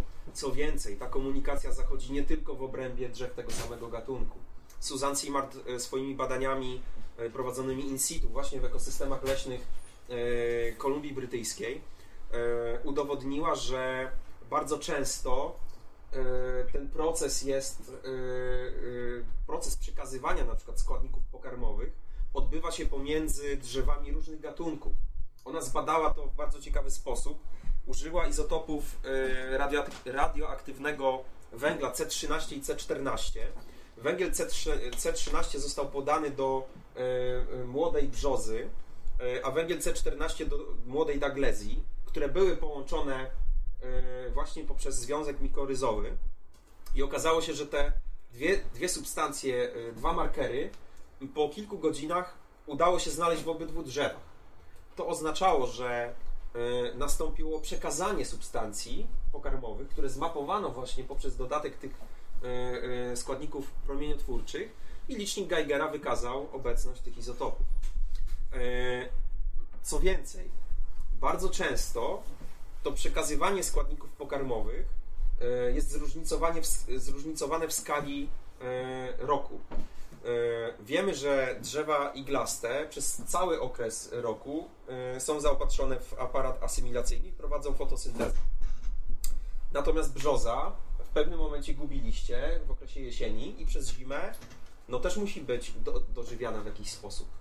I okazuje się, że w tym czasie Daglezja, która była właśnie monitorowana w tym eksperymencie, przekazywała część substancji pokarmowych brzozie, a w okresie wiosennym, kiedy już brzoza miała bardzo wybujały aparat asymilacyjny i potrafiła wytworzyć jeszcze więcej substancji pokarmowych, tym nadmiarem dzieliła się ze, z Daglezją. Więc mamy tutaj niesamowitą sieć połączeń, niesamowitą sieć komunikacyjną. Oprócz tego mm, grzyby przekazują y, impulsy elektromagnetyczne, podobnie jak nasze y, komórki nerwowe. Y, te impulsy elektromagnetyczne rozchodzą się w grzybni nieco wolniej niż w naszym organizmie. To często trwa kilkadziesiąt minut, zanim taki impuls z jednego miejsca przejdzie do drugiego, ale to również jest forma komunikacji. Na Uniwersytecie Jagiellońskim są prowadzone doświadczenia z komunikacji akustycznej pomiędzy roślinami, również odbywające się, odbywającej się za pośrednictwem grzybni. Grzybnia to jest nic innego, ta, ta grzybnia podziemna to jest nic innego jak rurki wypełnione wodą, czyli bardzo dobry przewodnik akustyczny. W wodzie dźwięk rozchodzi się bardzo dobrze, więc okazuje się, że drzewa też mogą się komunikować za pomocą dźwięków.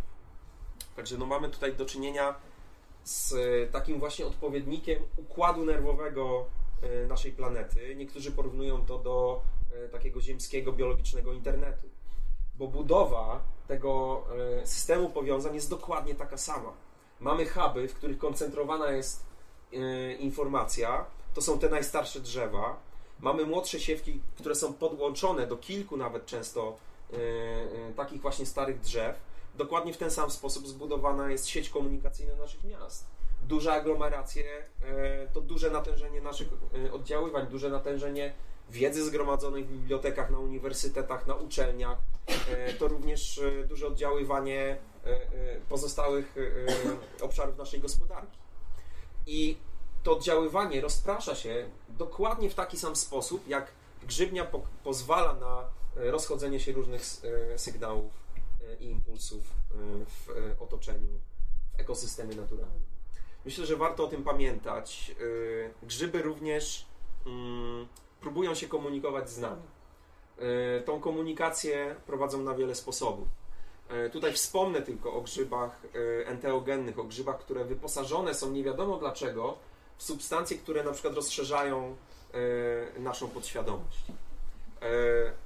Jest taka teoria, którą spopularyzował Terence McKenna, jeden chyba z takich bardziej rozpoznawalnych guru psychodelicznych, który testował na wiele sposobów różnego rodzaju grzyby halucynogenne.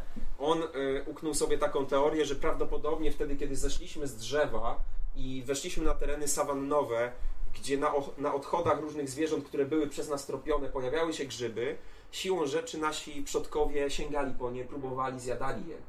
I w ten sposób wchodzili w kontakt na przykład z psylocybiną, jedną z takich psychoaktywnych substancji. Małe dawki psylocybiny okazuje się, że wyostrzają zmysły. Wyostrzają zmysł wzroku, słuchu, smaku, dotyku. Osobnik z wyostrzonymi zmysłami, który przemieszcza się w dosyć niebezpiecznym jednak terenie, szybciej ucieka przed zagrożeniem, szybciej jest w stanie to zagrożenie wychwycić. Nieco większe stężenia psylocybiny wzmagają naszą potencję, więc mamy większy pociąg do tego, żeby przekazywać nasze geny dalej. A jeszcze większe stężenia psylocybiny wywołują już wizje, halucynacje, które mają różny wpływ na rozwój naszego umysłu. I właśnie zgodnie z tą teorią Terensa McKenny, to właśnie grzyby halucynogenne przyczyniły się między innymi do rozwoju na przykład wyobraźni abstrakcyjnej w naszym umyśle. Niewiele zwierząt posiada zdolność abstrakcyjnego myślenia.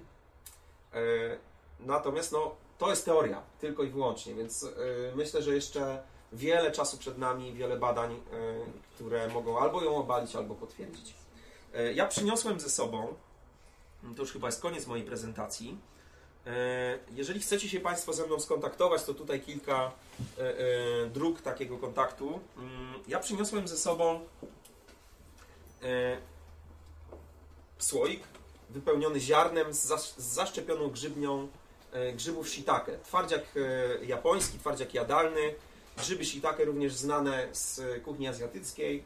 E, Można e, owocniki tych grzybów kupić niemal wszędzie, ale można je sobie samemu e, zaszczepić, na przykład na kłodach drewna albo na trocinach.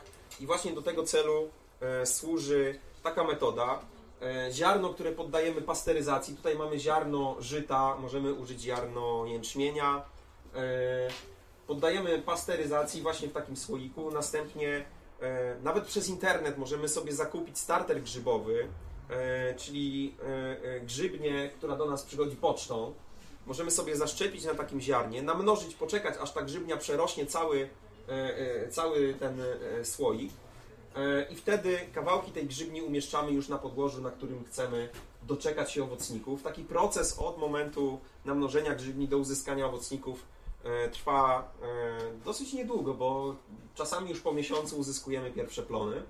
Ja puszczam ten słoiczek do obejrzenia e, e, tutaj w, e, e, w tłum. Przyniosłem również e, trociny, ścinki drewna, e, tutaj akurat leszczynowego, e, do którego zostały wrzucone trzonki e, grzybów, które też świetnie znacie, czyli e, boczniaka ostrygowatego. W momencie, kiedy przygotowujemy jakąkolwiek potrawę, te trzonki, które są trochę bardziej łykowate, często zostają odcięte i gdzieś tam wyrzucone. A można je po prostu e, wrzucić czy do takiego ziarna pasteryzowanego, czy do e, takich pasteryzowanych trocin. I również z tych trzonków grzybnia zacznie się rozprzestrzeniać i namnażać. I później tą grzybnię możemy przeszczepiać dalej e, do ekosystemu, w którym chcemy doczekać się owocników. E, Taką grzybnię możemy zaszczepiać na kłodach drewna, możemy ją zaszczepiać na słomie pasteryzowanej e, i to, co pokazywałem wcześniej, zbierać swoje własne e, plony. Przede wszystkim zachęcam właśnie do, do takiego kontaktu z grzybami, do takiego chodzenia w te interakcje.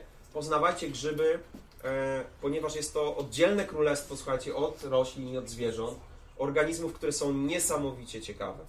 Grzyby potrafią rozkładać substancje ropopochodne, potrafią oczyszczać wodę, potrafią naprawiać ekosystemy, potrafią też konsumować e, tworzywa sztuczne. Okazuje się, że te enzymy trawienne również e, mm, potrafią rozkładać różne e, tworzywa sztuczne, które wytworzył człowiek i które teraz zalegają w wielu miejscach na świecie w olbrzymich ilościach. E, Ostatnie badania pokazały, że znaleziono również grzyby, które e, wzrastają we wnętrzu sarkofagu betonowego otaczającego reaktor w Czarnobylu. Grzyby wysycone wysoką ilością melaniny e, z grupy czarnych pleśni, które wykorzystują promieniowanie gamma, podobnie jak rośliny promieniowanie słoneczne i dzięki temu podtrzymują swoje życie. E, Od razu powstała teoria, że e, gdzie mamy w środowisku tak duże stężenie promieniowania gamma? No w przestrzeni kosmicznej. To znów podsyciło wyobraźnię naukowców i już gdzieś tam dostrzegamy potencjał tego, że grzyby właśnie mogą być tymi organizmami, które mogą być obecne również poza e, biosferą naszej planety. Było pytanie z tyłu, widziałem rękę. Tak, tak. Y, Cześć Łukasz. Y, Od lat y, słyszę, jak opowiadasz o grzybach i o tym, co robisz z permakulturą, to jest zawsze dla mnie fascynujące. I jestem bardzo pod dużym wrażeniem Twojej wiedzy. Ale też chciałam Cię zapytać i też dać Ci szansę właśnie odpowiedzieć, y, bo jednak przy tym wszystkim y, odczułam taki zgrzyt, y, w związku z tym pewnie wiesz o co chodzi. Nie wiem, dokończ pytanie, wtedy się dowiem. No i tak mówisz o rolnictwie i o tym, jak e, grzyby mają e, niesamowite znaczenie dla zrównoważonej gospodarki i ratować świat nas, to ja bym też chciała usłyszeć od Ciebie, dlaczego z takim przekazem występujesz w reklamie Lidla. Z jakim przekazem? No właśnie, mimo że propagujesz permakulturę, więc jakby taki alternatywny... No po prostu Dlaczego w ogóle sposób- y, tak, wziąłem udział w reklamie tak, Lidla? tak, dla mnie to jest ciekawe. Z prostej przyczyny. No właśnie... Mm, Nie wiem, czy ktoś widział tą reklamę. Y, Reklama dotyczyła y, detergentów, które zostały wprowadzone do Lidla. Jest to cała gama różnych środków y, czyszczących, które są wyprodukowane na bazie y, substancji pochodzących, y, naturalnych substancji. e, czynnych. E, Jeżeli dobrze pamiętam, tam jest do 98% substancji pochodzenia naturalnego w tych, e, w tych preparatach. E, Są to również e, środki, które ulegają biodegradacji. Więc w momencie, kiedy ich użyjemy i dostaną się do środowiska, mm, nie powodują tak dużej szkody jak e, inne produkty, które e, są trudne w rozłożeniu. Dlaczego wziąłem udział w e, takiej reklamie, mimo tego, że gdzieś tam jestem kojarzony z ruchem permakulturowym, z ochroną środowiska, z alternatywą. Wraz z moją żoną często detergenty wytwarzamy sami. Pewnie wiecie, jak się robi we własnym zakresie. Proszek do prania, jakie są naturalne substytuty detergentów. Tylko pytanie, ile z nas, ile osób z nas tutaj robi takie rzeczy we własnym e, e, domu? Ja myślę, że gdybyśmy uznali, że promil naszego społeczeństwa e, wytwarza własne detergenty i je używa e, na co dzień w domu, to moglibyśmy obrazić promil. Wydaje mi się, że jest to bardzo nieduży odsetek ludzi. W tym momencie pot- potrzebujemy rozwiązań, które zadziałają na olbrzymią skalę. I tutaj widzę y, przede wszystkim pole do tego, żeby wejść w dialog z producentami detergentów i zacząć ich przekonywać do tego, żeby przestali te detergenty y, wytwarzać w oparciu o tą y, ciężką chemię.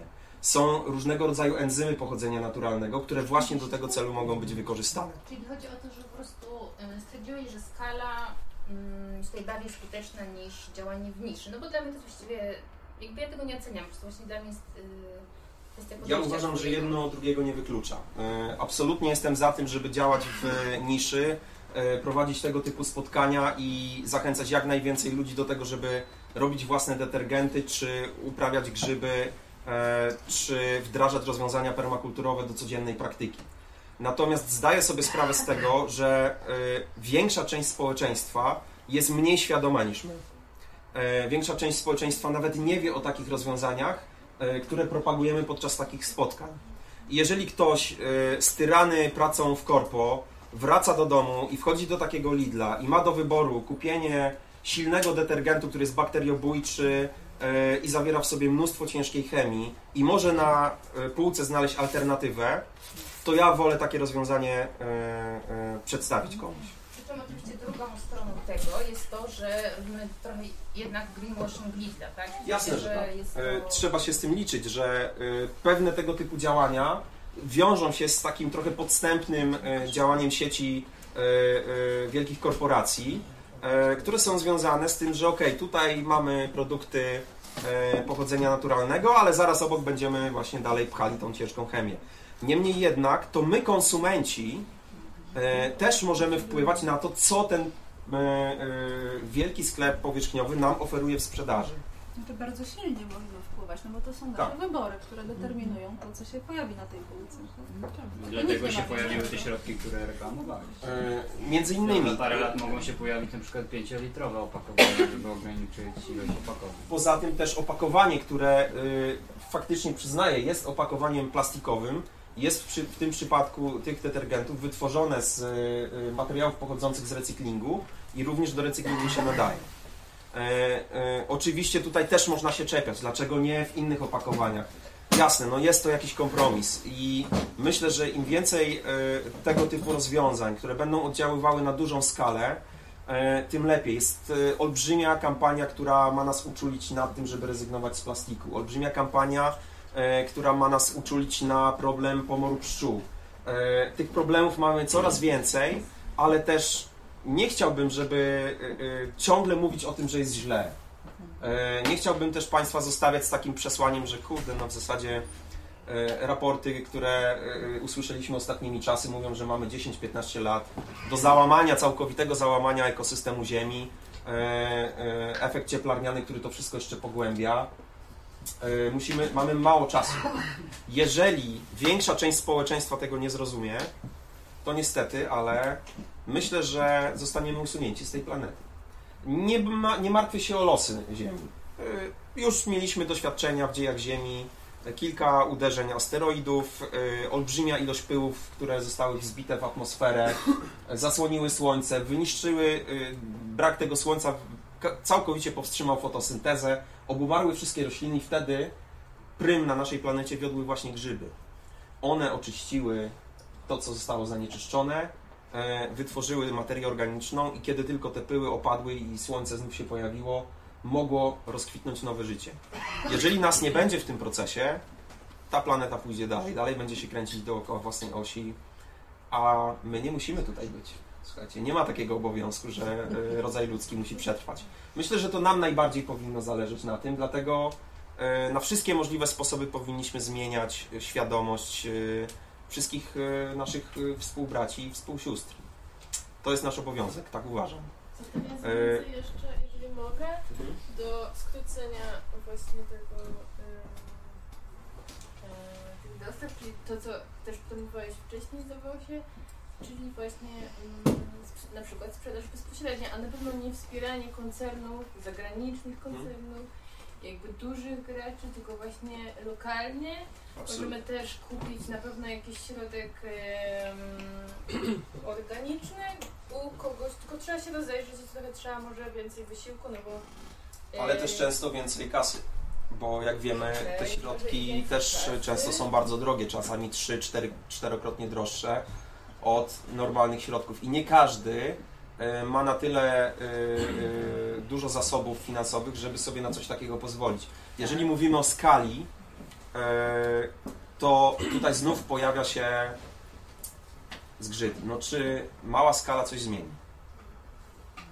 No, z drugiej strony, promując takie rozwiązania w koncernach, to trochę e, skazujemy takie rozwiązania niszowe na niepowodzenie, no bo nikt już teraz nie będzie chodził do jakichś małych sklepów, jak sobie może iść do Lidla, który robi bardzo dużo złego. Więc... Wiesz co, no nie wydaje mi się, żeby to miało zniechęcić e, e, kogoś do korzystania no, z... Jeżeli zakładamy, że ludzie są e, jakby leniwi i im się nie chce. no Jak sam już powiedziałeś, cena ma wpływ, bliskość i łatwość dostępu ma wpływ, więc wydaje nam się, że jednak e, odgrywa to. Ale dziewczyny, no to jakby nikomu nie zabiera wolnej woli, no jakby jest kwestia wyboru, no Ale i my tych teraz jest zmieniamy się argumentami, nie mówimy, że ktoś zabiera wolną wolę. Znaczy chodzi o to, że to nie, nie blokuje, nie zniechęca. Znaczy są różne drogi do może dojścia do dobrego celu. Niektóre są bardziej na skróty, niektóre są bardziej wygodne, mniej bardziej skuteczne. No każdy może sobie wybrać, tak? Co jest dla niego optymalne. To nie jest właśnie mowa.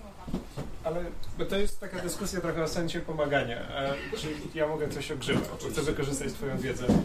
Y, Myślę, że w kafejce można potem takie ogólniejsze rozmowy. Jasne. Tak, tak. Chyba zapraszamy po prostu Państwa do kawiarni, już... E, czy, czy, pan, czy Pan ma jeszcze... Nie, ja już zakończyłem prezentację, także y, y, jeżeli jest następny jakiś prelegent, który prowadzi jakieś y, y, dalsze, już tak powiem, zajęcia, to Pół godziny jeszcze przed. możemy zwolnić. Okej, pytanie o grzyba. Pytanie, dlaczego pasteryzacja? Bo powiedziałeś trociny i tutaj to, co ty w tych słoikach też powstaje. Zrozumiałem, że jakby grzyby lubią, żeby była jak najbardziej tak biologicznie czynna, aktywna jakaś substancja, więc dlaczego musisz troszeczkę wygotowywać te Tak, ponieważ materie? mając do dyspozycji y, y, tak cenne składniki pokarmowe, jakim, jakie są zamknięte w ziarnie albo na trocinach, y, oprócz tego, że mm, bardzo fajnie się tam mogą rozwijać y, grzyby, które my chcemy y, uprawiać, to z tych składników pokarmowych bardzo chętnie y, skorzystają inne organizmy, często bardziej pionierskie. Na przykład grzyby pleśniowe, które, których zarodniki unoszą się wszędzie w powietrzu.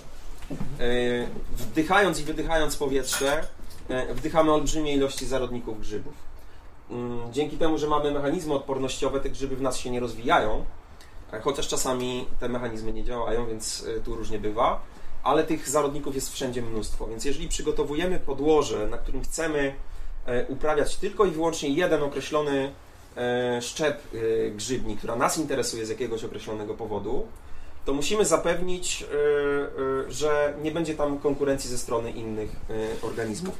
Tutaj widać w tym słoiczku, że tutaj nie zostały zachowane właśnie warunki sterylne. I tu widać już zieloną pleśń, która się rozwija. Ta zielona pleśń może w bardzo szybkim czasie za chwilę wygrać konkurencję z grzybnią boczniaka i ona skorzysta z tego, e, z, e, z tego zasobu składników pokarmowych. Jasne. Trzeba się przyjrzeć. Pleśń głównie, to jest zagrożenie szybkie działania. Pleśń, ale są również e, bakterie, są e, em, wiciowce, są e, mm, różnego rodzaju bardziej pierwotne i czes- cze- często bardziej zjadliwe e, czy agresywne szczepy e, grzybów, które szybciej się rozwijają. Dlatego ta pasteryzacja ma nam trochę pomóc w przechyleniu szali na korzyść tych gatunków, które chcemy e, uprawiać.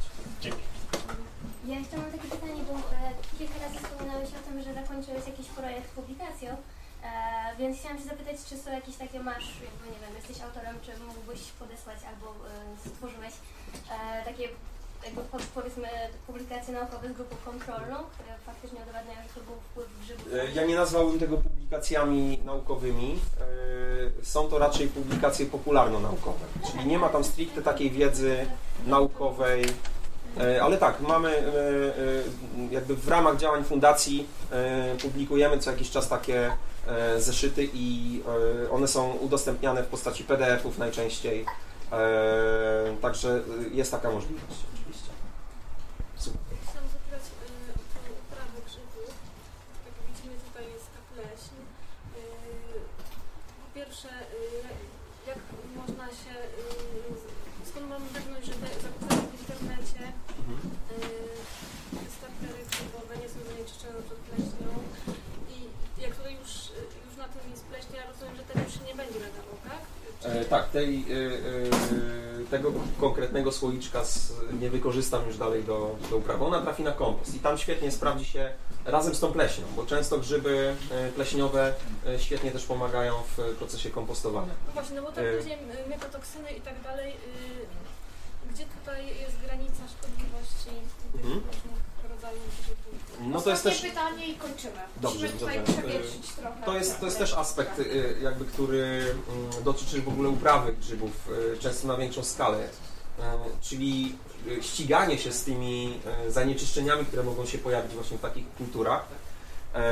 Bardzo często, kiedy zamawiamy grzybnię, no ona jest przygotowana w taki sposób, że jest pakowana w odpowiednie opakowanie zaopatrzone w filtry, które e, pozwalają grzybnie oddychać. Pamiętajmy, że grzybnia oddycha powietrzem atmosferycznym, z którego potrzebuje e, pozyskać e, tlen, a wydycha dwutlenek węgla. Więc to oddychanie musi być zapewnione. Tutaj ten słoiczek jest tylko przykryty folią aluminiową. Tutaj też jest luźno położona przykrywka, także tam cały czas zachodzi wymiana gazowa. Natomiast no, utrudnia to wnikanie właśnie zarodników do środka. E, I zdarza się tak niestety, że jeżeli zamawiamy taką przesyłkę i poczta e, czy kurier e, źle się z taką przesyłką obchodzi, no to czasami niestety ta grzywnia zostaje, czy opakowanie zostaje uszkodzone i ta grzywnia zostaje skażona. Trzeba się z tym liczyć. Ale nie czy tak? Czy można jakoś... Nie, to widać, to bardzo szybko wychodzi. To bardzo szybko wychodzi, widać zieloną pleśń, która bardzo szybko się rozwija. Czyli tylko E, zielona pleśń, nie? E, Nie, no nie tylko. Czasami to jest różowa pleśń, czasami jest szara. E, Są różne szczepy pleśni. Natomiast widać to, że nie jest to grzybnia, która jest tam pierwotnie zaszczepiona. Także tutaj raczej nie ma takiej możliwości, że pomylimy się i zaczniemy uprawiać na szeroką skalę pleśń zamiast naszego e, upragnionego grzyba shiitake czy no, boczniaka. tam będzie ten zarodnik grzyba... y, To trzeba się takiej próbki pozbyć, czyli wywalamy ją na kompost. E, Jeżeli już e, ulegnie skażeniu. Także do dalszej kultury przechodzą tylko zwycięzcy, którzy przejdą przez e, kontrolę jakości, tak mogę to nazwać, i e, e, zachowamy tą czystą, e, sterylną grzybnię. Ona po pewnym czasie przerasta całe podłoże i wtedy już e, produkuje antybiotyki i różne substancje, które uniemożliwiają e, e, wkroczenie tym innym e, organizmom. Wtedy to już się samo broni. Także to jest czas, kiedy możemy rozpocząć zachęcanie grzybin do wytwarzania owoców. Dziękujemy bardzo. Dzięki.